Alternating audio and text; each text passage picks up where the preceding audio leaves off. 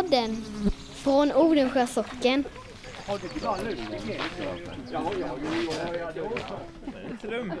Hallå, hallå? Hallå? Vad väntar vi på nu då? Ja, vi väntar på att åka höskrinda.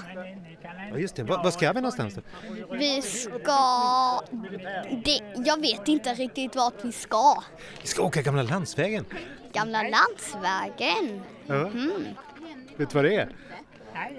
Inte riktigt. Vi får snart veta du. Det är bra. Ja, välkomna till en utflykt med höskrinda och allt. Och Hembygdspodden är förstås med. Idag utan Jenny som är hemma och tar hand om gäster då. Men det är fullt med folk här framför Götes gamla affär i Odensjö. För idag ska vi ta traktor och vagn upp till Nässjö. Längs den gamla länsvägen mot Unnaryd som vi tidigare vandrat delar av. En väg som slingrar sig fram mellan ställena och ibland korsar den nuvarande raka vägen mellan Nordensjö och Unnaryd. Och det kommer inte bli någon lätt resa, det har det utlovats. För det här är en väg som går över stock och sten. Och fjärdingen på de här gamla höskrindorna är väl sådär. Men det var så det var när man skulle åka till Unnaryd förr i tiden. Ett äventyr. Vagnarna är faktiskt till och med lövade idag och det står bänkar rygg mot rygg uppe på lasset. Vi får väl se hur det går. Men innan vi åker så vill Gunnar Jönsson, vår guide idag, berätta lite om hur det var när vägarna blev just vägar och inte bara stigar i skogen. Ja, ni är ju eh, som ni förstår välkomna till det här jippot. Och varför just i år? Jo, det är så att det är hundra år sedan vägarbetet på den nya vägen började och inledas.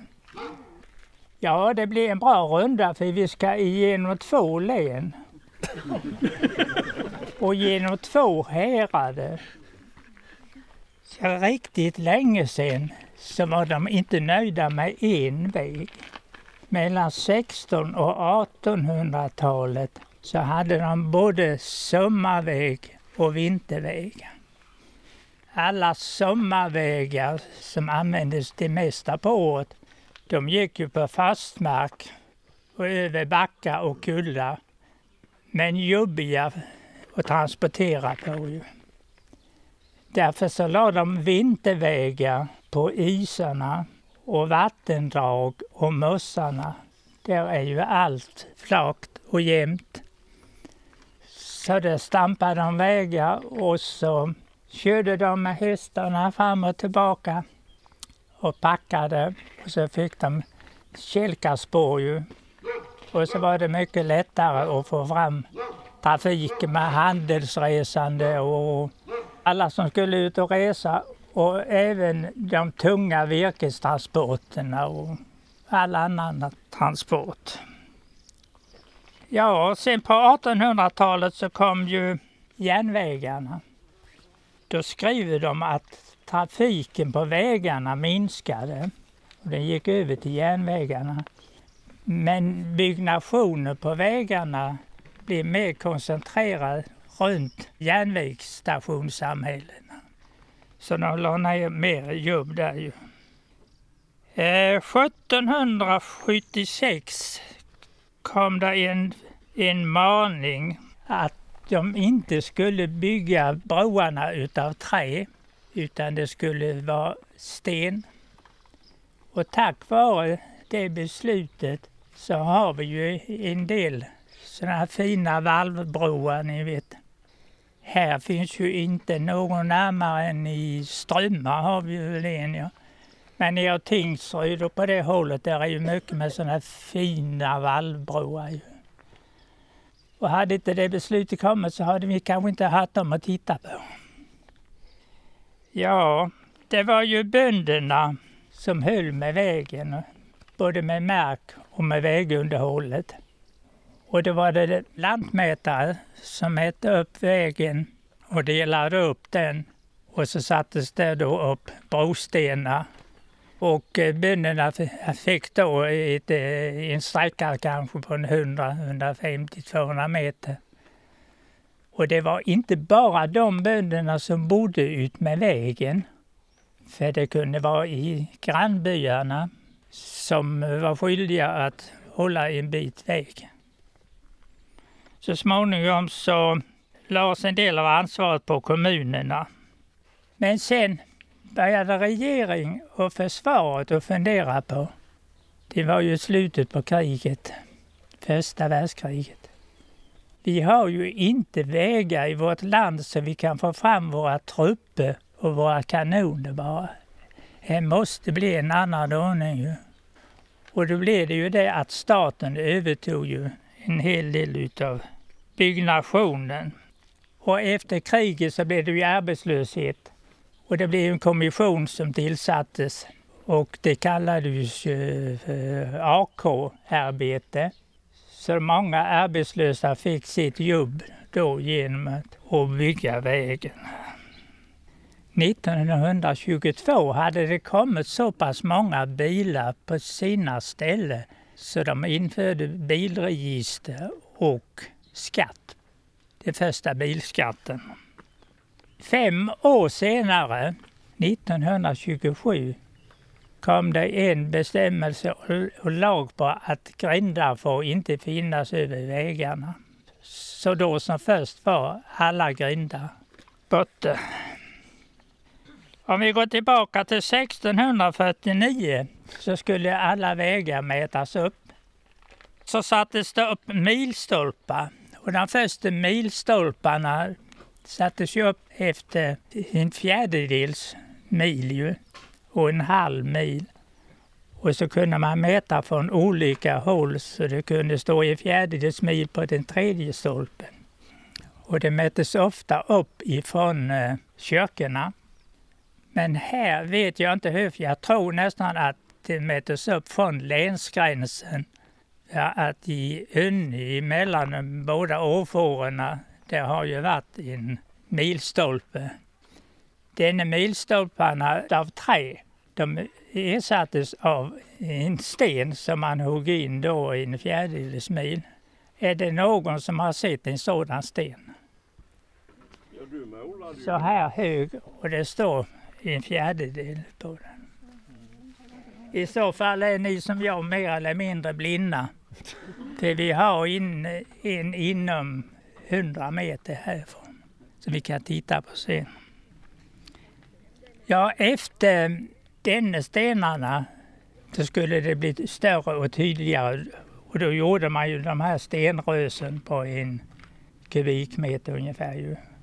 Och redan på 1700-talet så göt de de här gjutplattorna som vi har uppsatta på några ställen. Nu frågar jag er, var har vi närmaste fjäringspåle? Utåt har vi en, en bit in på gamla vägen innan Skrinhults vägskäl. Men uppåt, var har vi dem då? Det är inte mer än Vincent här som vet vad den är. Och den står ju här uppe, 60-70 meter upp. Tack vare byagubbarna och Sten som eh, mästare så kom den upp där för 25 år sedan kanske. Och där finns en sten också, en milsten, inmurad. Ja, den här resan kommer inte att bli någon njutbar resa, det ska jag tala om för er. Men eh, när vi har kommit upp till Nässjövägen så får vi rösta om ni vill åka samma väg tillbaka eller så tar vi bara stora vägen. Så det får ni själva avgöra. Och ni är kanske nöjda med en tur. Och då skulle vi väl kunna börja och lasta upp. Ja, då var det dags att stiga på lasset. Det står små trappstegar framför vagnarna så att alla ska kunna vara med. Håkan Nilsson han har rekat hela vägen igår så att det ska fungera att ta med 30 personer på två vagnar längs de slingrande vägarna. Välkomna upp!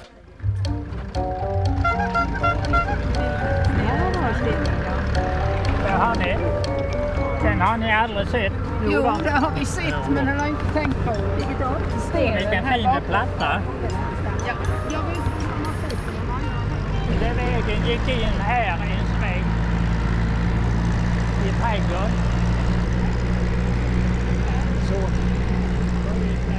Den. Ja, den gamla länsvägen det gick alltså upp här i skogen vid Smeagården. Till höger in om man kommer från byn, strax innan sågverket. Och det är inte mycket till väg här inne i skogen. Det är gungar och det hoppar. Och nu ska vi svänga också. Nu är vi framme vid Götabo gamla vägskäl. Götabovägen gick ju ut hit här till den. Ja, men vilken väg så kör du på? Det är rätt hoppigt Gunnar. Ja, ja, ja, det, blir- det blir mycket värre sen. Det blir mycket värre. Här är ju jävligt bra väg.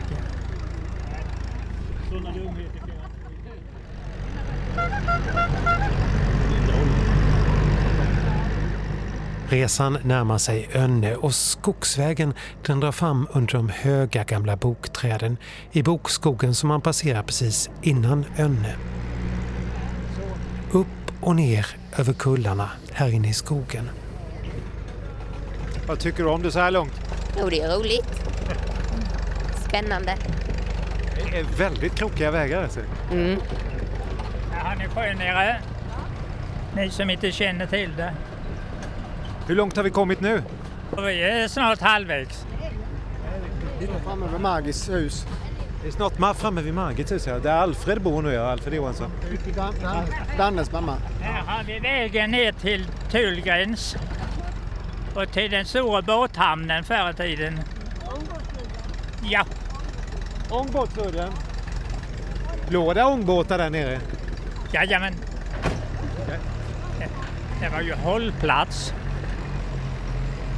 Nu gäller det att han håller i bromsen nerför backen. Nu närmar vi oss en riktig stupbacke här alltså. Med skrindande berg. Ja, uh.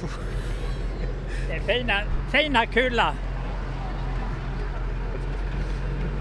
Det skriker till i vagnen när Sten bromsar för att hålla den på vägen.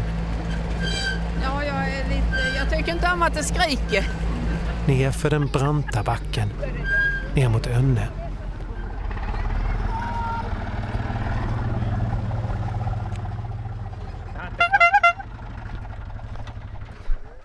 Ja, nu var vi inne. Det var ju en rätt betydelsefull eh, plats förr i tiden. Det är ju en av de eh, tre större gårdarna i eh, församlingen. Ynnegården och Mellangården i Torap och eh, Åsagården. ju. Mellangården är ju det enda som är höll jag vid liv och sköts med ordning och reda. Eh, Åsagården behöver vi inte prata om nu. Och Önnegården såldes på 50-talet till ett par skåningar. Och det kom ju i alldeles fel händer. För det har ju bara gått till förfall kan det säga. Det, det är ju en stor pampig byggnad. Och vägen gick för ner här och mellan kvarnen och huset på framsidan där. Och framsidan är mycket fin. Där är ett dubbelöveranda. Så på sin tid så var det ju ett ståtligt ställe ju. När man körde igenom gården så var det en allé av asp som gick ut längre upp och som nu möter den eh, nya vägen. Ja, där fanns ju två uthus som låg i vinkel här. Och det som låg närmast kvarnen, det var ett eh, utrymme där bönderna fick ställa in hästen när de hade kört hit till kvarn för att få malet. Ju. Här eh, fanns en hel del i Önne ju. Dels eh, gården ju. Och allt sköttes ju med muskelkraft. Det har aldrig varit någon traktor på det stället. Utan det var häst och det var ju drängar och pigor som jobbade och slet. Jo, här fanns ju en hel del förutom bonderiet då. Här finns ju ingen odlad jord vad ni kan se nu. Men det finns ett fält på nio tunnland ute som ligger mycket, mycket fint här ute på udden. ju. Och den sidan ån ut mot Almesjö där har varit stora mösstegar. Och det var ett fält där uppe som hette Harakullen tror jag och så var det då ett torp, Almatorpet, som ligger uppe mot Korsnäs, som, som hörde till. Eh, förutom gården och den driften så var det ju kvarnen och myllan bodde här. Och så var det ju affären här uppe ska ni tänka er, med liv och rörelse. Och där nere var ju såget med både såg och eh, hyvleri och de hyvlade takspån. Virket dit kom väl oftast från Unnarydstrakten runt Unnen och flottades fram. Och här var en flottningsränna som man petade in stockarna i för att komma ner i, mot Bolmen nu. Så här har varit flottare med färg också. Sågan här bodde på Alfreds hus här uppe. Och så var han mejeri i det huset. Och så skulle det ha varit färgeri och smedja. Men de sa att det var alltid svårt att få någon smed till att stanna. Så det var ett par gubbar som stod och pratade en gång så sa de att eh, ja, det finns nästan allting nere i Ynne. Det är hur bra som helst. Men göra någon smed och sätta i Ynne, det duger de inte till. 1727 så ägdes Önnegård av prästen i Odensjö som hette Magnus Wislander. Det var på den tiden då präster och eh, adelsmän tog för sig och härjade. Här fanns en brukare då, för prästen var ju, han var ju, kunde ju vara bonde men han hade en brukare liksom anställd här. Han hette Sven Jönsson. Det var ju ett fint efternamn i alla fall. Nu ska vi tänka oss sex, sju generationer tillbaka från Gullis och min generation så var detta en anfader till oss. Det är 266 år sedan han var här. Så hände det en tragisk olycka. Påskdagen 1753 hade allt gårdsfolk varit på gudstjänst i Unnaryd. De kom kanske i, i två fjädervagnar, för det var ju piga och drängar så det var ju rätt så många. I den fina allén här och fram på gårdsplanen. Och man hoppade av och stallade in. Men det var något som fattades. De blev inte kloka på vad det kunde vara först, men åldermannen, han var väl egentligen på undantag tror jag. För han var mellan 70 och 75 år. Det var denne Sven Jönsson som jag nämnde om. Ja. De började att söka inne i huset och han fanns inte där och de sökte här ute och till slut så hittade de honom. Han hade gått ner något ärende i norra delen på kvarnen och kanat på någon bro och ramlat och slagit huvudet i en sten men hamnade i ån på alnadjupt vatten, står det. Med ansiktet över vattenytan så han hade inte drunknat utan han, han slog ihjäl sig mot denna sten som han ramlade. Det blev stor uppståndelse och begravning. Och eh, mycket skrivet om det. Troligen om jag inte har alldeles fel så var det dottern till Sven som övertog driften på gården här ju med sin man som har kommit från Almesjö. Och 30 år efter olyckan med Sven så försvann hon. Hon var eh, kanske i 40-årsåldern. De letade efter henne i eh, 45 dagar. Det är ju sex veckor som de höll på att leta här runt om och i byarna givetvis och på vattnet. De fann henne till slut ute i sjön Bolmen medför för Alfreds, rakt ner där. Och så står det sen i eh, kyrkböckerna att hon var röd. Hon var röd till sinnet.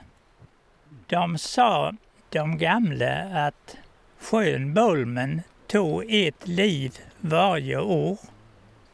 Och det är nog sant. Var det inte eh, någon olycka på vintern så kunde det ju vara på sommaren. Och det var också lite tragiskt i trakterna här. För att emellan Önne och, och Unnaryd och en del i, runt Unnaryd då sa de gamla att det är alltid ett självmord varje år. Så alla var inte lyckliga på den tiden. Och de flesta självmorden det var i Säfsås och i Hult. Ja, det var ju inte så roligt slut på det här men... eh, men jag tror inte jag har något mer att berätta om det. Så vi har väl eh, kanske inte annat att göra än fortsätta vår vandring. Men Palm har du inte pratat någonting om. Palm som tog över gården sedan och drev den i flera generationer. Jaha, ja, ja men. Så det diskuterades ju hur han hade kommit över sina pengar. Men eh, det berättas då att han eh, vid resa till Skåne, det står till och med i kyrkboken, där han eh, födelsenotisen om honom, att eh, han skulle ha hittat en uppbördskassa nere i Skåne och, och eh, lagt beslag på den. 1843 så stämde Palm tre grabbar ifrån Bret Västergård till tinget i Sunnebo. De hade slagit honom. Han hade fått en ordentlig omgång. Jaha. Så de, de åkte ju dit. De blev ju straffade va. Fick böter och så. Men det var en tuff gubbe det. Jajamän. Är ni med på att fortsätta nu eller ni längtar hem?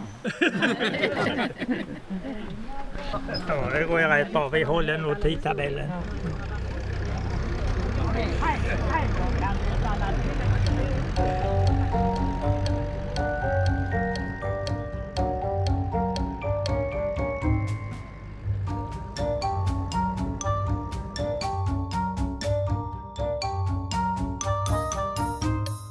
Världen går vidare.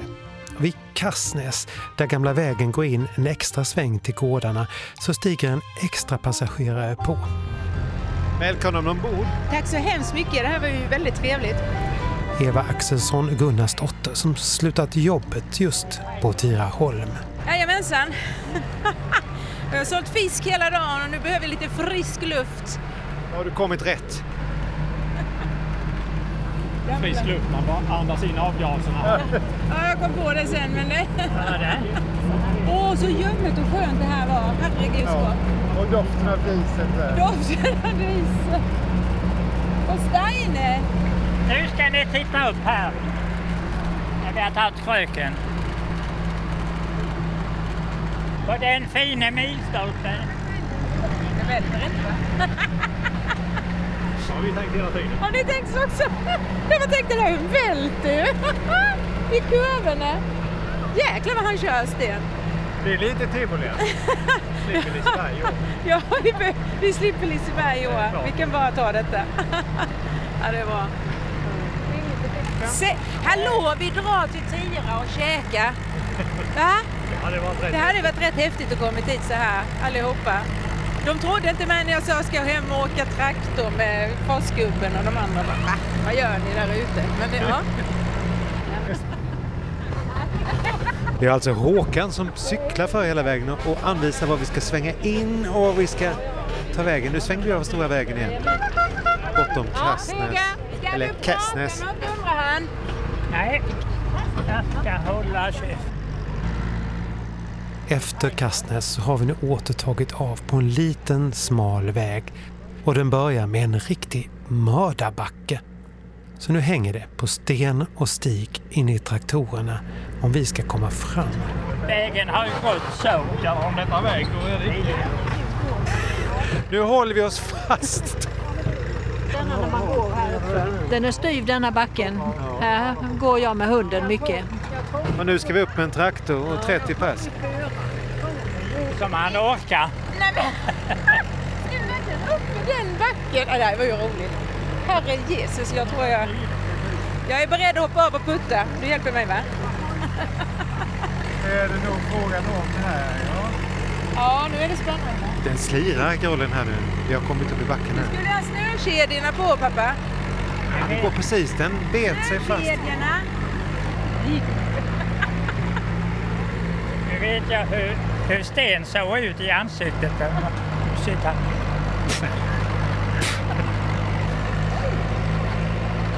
Vad vackert var det.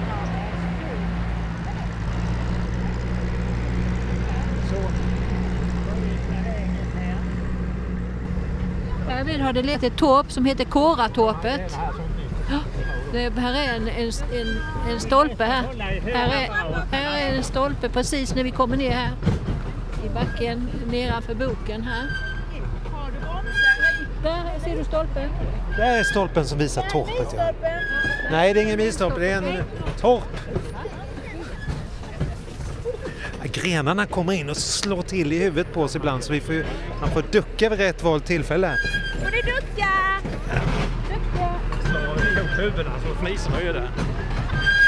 Herregud. Pappa han är redan med hörapparaten. och Så. Visst är det njutbart?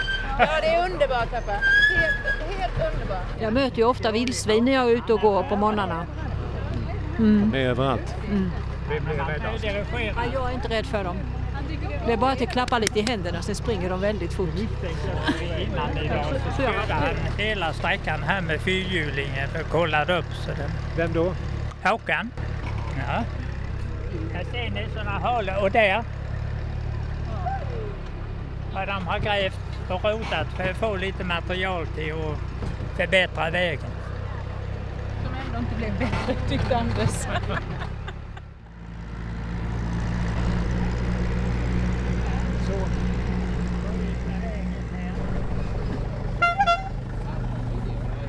Här kommer Håkan. Du får dra med mig.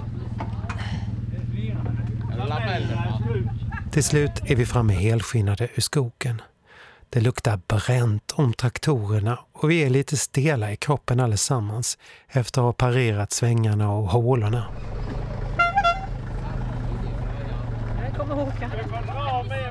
Och nu ska Gunnar berätta lite mer om när bilen kom till bygden. Förlossningen vunnen och segern är vår.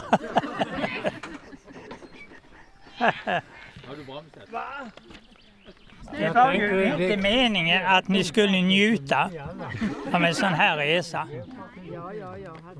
Meningen var att ni skulle få känna lite, lite, lite av vad våra förfäder fick stå ut med. Och hur det var för dem att- transporteras på den här gamla vägen. I år är det jämnt hundra år sedan den första bilen kom till eh, Unnaryd. Det var en yngling som hette Anders Theodor Andersson. Han tog förarbevis, alltså ett tillstånd att framföra motordrivet fordon på väg. Han var inte riktigt ensam för det, det var ju fler för all del redan då. Alfred Johansson på Hallalund. Du Danne, var det samma år eller det var? Jag tror det var 1900. Men när han hade varit och fått sitt förarbevis så bröt ju kriget ut 1914. Första världskriget. Så han eh, var ju mycket i militärtjänst men där fick han ju lite nytta av sitt körkort för han, de hade ju börjat lite grann med fordon också. På den tiden så hade prästen en församling för den själsliga vården. Men en läkare kunde ha fem, sex, sju församlingar för den eh, kroppsliga vården. Och läkaren vid den tiden, det var en som hette Tillander. som kom till Unnaryd. Ja, för det första hade han ju mottagning på förmiddagen. Men på eftermiddagen fick han, och kvällen fick han ofta ge sig ut på hembesök. Det var inte så lätt att ta sig till doktorn om man var sjuk på sådana här vägar vet ni och på en fjädervagn och en häst som bara ilade iväg. Det var ofta geskivan som fick ställa upp och skjutsa läkaren på den tiden. Hur många vet vad geskiveriet i Unnaryd fanns då? När ni kör igenom samhället och kröker nere vid mejeriet så har ni Syrgård till vänster. Och det röda fina huset till höger, det var ju skiveriet. Så han skjutsade många som skulle ut på både långresor och, eh, och framför allt doktorn. Han hade tre hästar minst och så hade han en dräng som körde ibland. Den här nya doktorn, han hade ju åkt hästskjuts några år och han tyckte det var lite bökigt. Han kallade några storgubbar i Unnaryd som han visste hade bra ekonomi och däribland denna Anders därför att han hade förarbevis. Doktorn ville de skulle bilda ett bolag och köpa en bil. Alla var intresserade av detta. Men när det gällde de skulle skriva på pappret, då var det inte mer än två. De andra svek. Men dagen efter kallade ju skivan den här Anders till ett möte. Så säger han, kan inte du och jag köpa en bil och du kör? För nu är jag nog och det här farandet med hästen. Jo, det var ju Anders pigg på. De åkte till Malmö, till ett ställe som hette Hebers maskinaffär. Det var ingen, det var ingen bilaffär, för det hette maskinaffär. Och de köpte en bil med sifflett vindruta, kabinlampa till ljuset och vev till att starta motorn. Inga eh, eh dörrar och sidorutor. Det fanns inte sms och det fanns inga telefoner på den tiden. Ryktet hade gått före. När de kom hem till Unnaryd dagen efter så var det fullt och folk i hela Unnaryd. Det var knappt någon som hade sett en bil, men jag hade ju hört talas om det. Och där kommer de då som riktiga storherrar. Det gick inte mer än två dagar förrän doktorn kallade på Anders. Han behövde ett skjuts och det var vi till Odensjö. Då sitter doktorn och ruskar på bil, men njöt ju i alla fall för han behövde inte se hästarna plågas ju. Och det gick bra till hösten. När det började snöa, då ville han att bönderna skulle röja undan snön så han kunde köra. Men bönderna var inte alls intresserade av den här bilen. För de ville ha sina transporter och de ville gärna skjutsa doktorn. För det var många som stod på kö genom att Tillander var så sällskaplig och, eh, och trevlig person. Han fick ställa in bilen över vintern för snöns skull. För bönderna ville ha släpföre så de kunde ju köra sina transporter. Det var ju inte alltid han kunde ställa upp det här Anders med sin bil. Men han hade en ersättare ifrån Långaryd. Och Sara Moanes berättade bara för lite sen. Det var ju en morbror till mig, sa Och han hade berättat att de fick en beställning till Laholm. Och ehm, eh, den här eh, killen då från eh, Långaryd skulle köra. När han kom till stadsgränsen i Laholm så stannade han. Så sa passageraren, varför stannar du här? Du, jag är så trött och slut. Och jag är så nervös för att köra igenom stan nu. Här kommer väl till vara mycket folk som jag ska väja för. Så jag måste styrka mig. Då tog han fram en flaska och tog en tre, fyra rediga supar. Ingen visste vad promille var. Tänk så gött det var. Han körde genom stan, inga problem. Han sov med två kärringar och den ena var halt.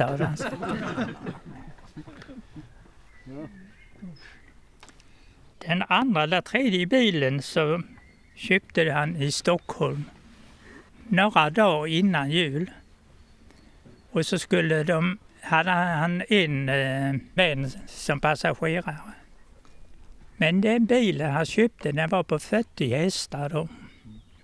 Och han hade sagt att det bästa som har hänt i hela bilhistorien, för då hade det kommit generator, batteri, startmotor. Han kunde starta med en vev eller en knapp.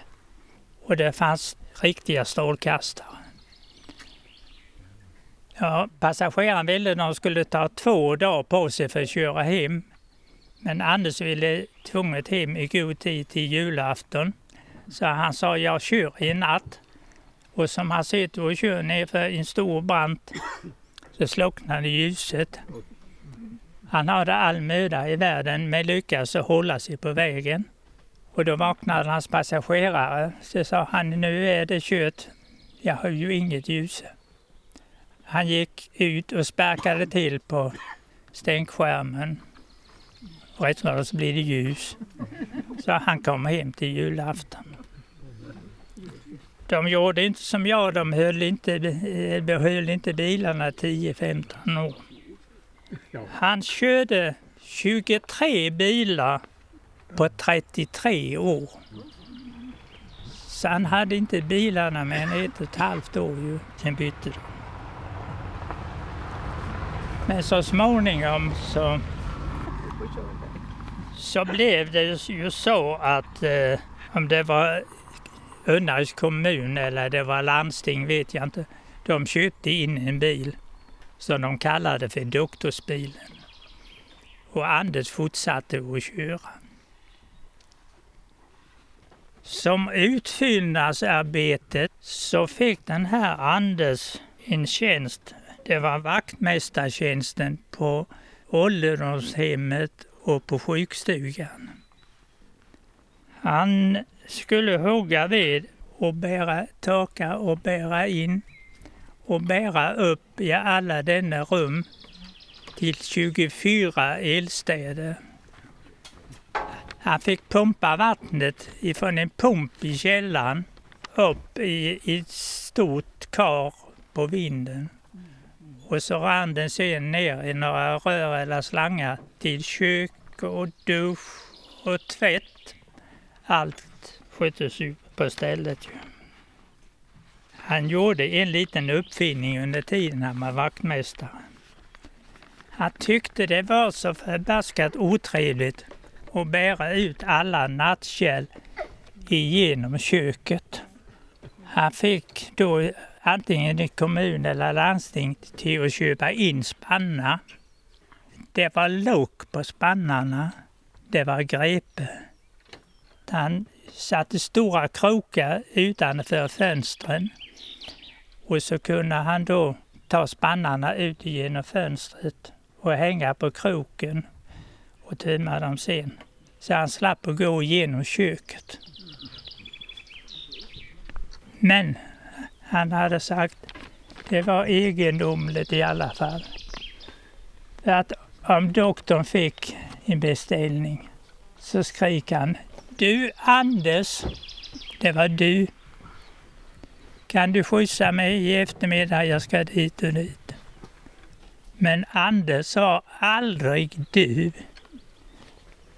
Eller fick säga du. Varken till, eh, till Ander eller till yngre vikarier som kunde komma. Utan det var alltid herr doktor. Som väl är så har det ju ändrats lite. Ja, vi kommer ju till Gunnar nu. Oj då. Eva, vi, vi stannar väl i Kassnäs? Klockan åtta, det blir väl rätt lagom. ja, då hoppar jag av också. Ja. Annars får jag gå. Ja. Gode ciceronen Gunnar Jönsson. Ja, precis.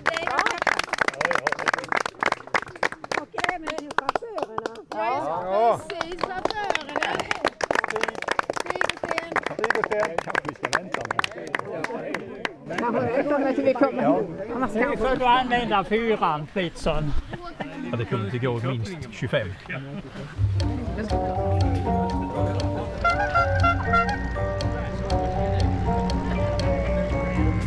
Ja, nu ger vi oss tillbaks igen mot Odenfåg, utgångspunkten för den här resan. Och om du vill se var vi åkte någonstans så kan du faktiskt titta på en karta på vår hemsida. Hembygdspodden blogspot.com har den som adress. Och där kan du också hitta andra poddar som vi har gjort. Men vi fortsätter och planerar för nya poddar nu under hösten och fram till jul här.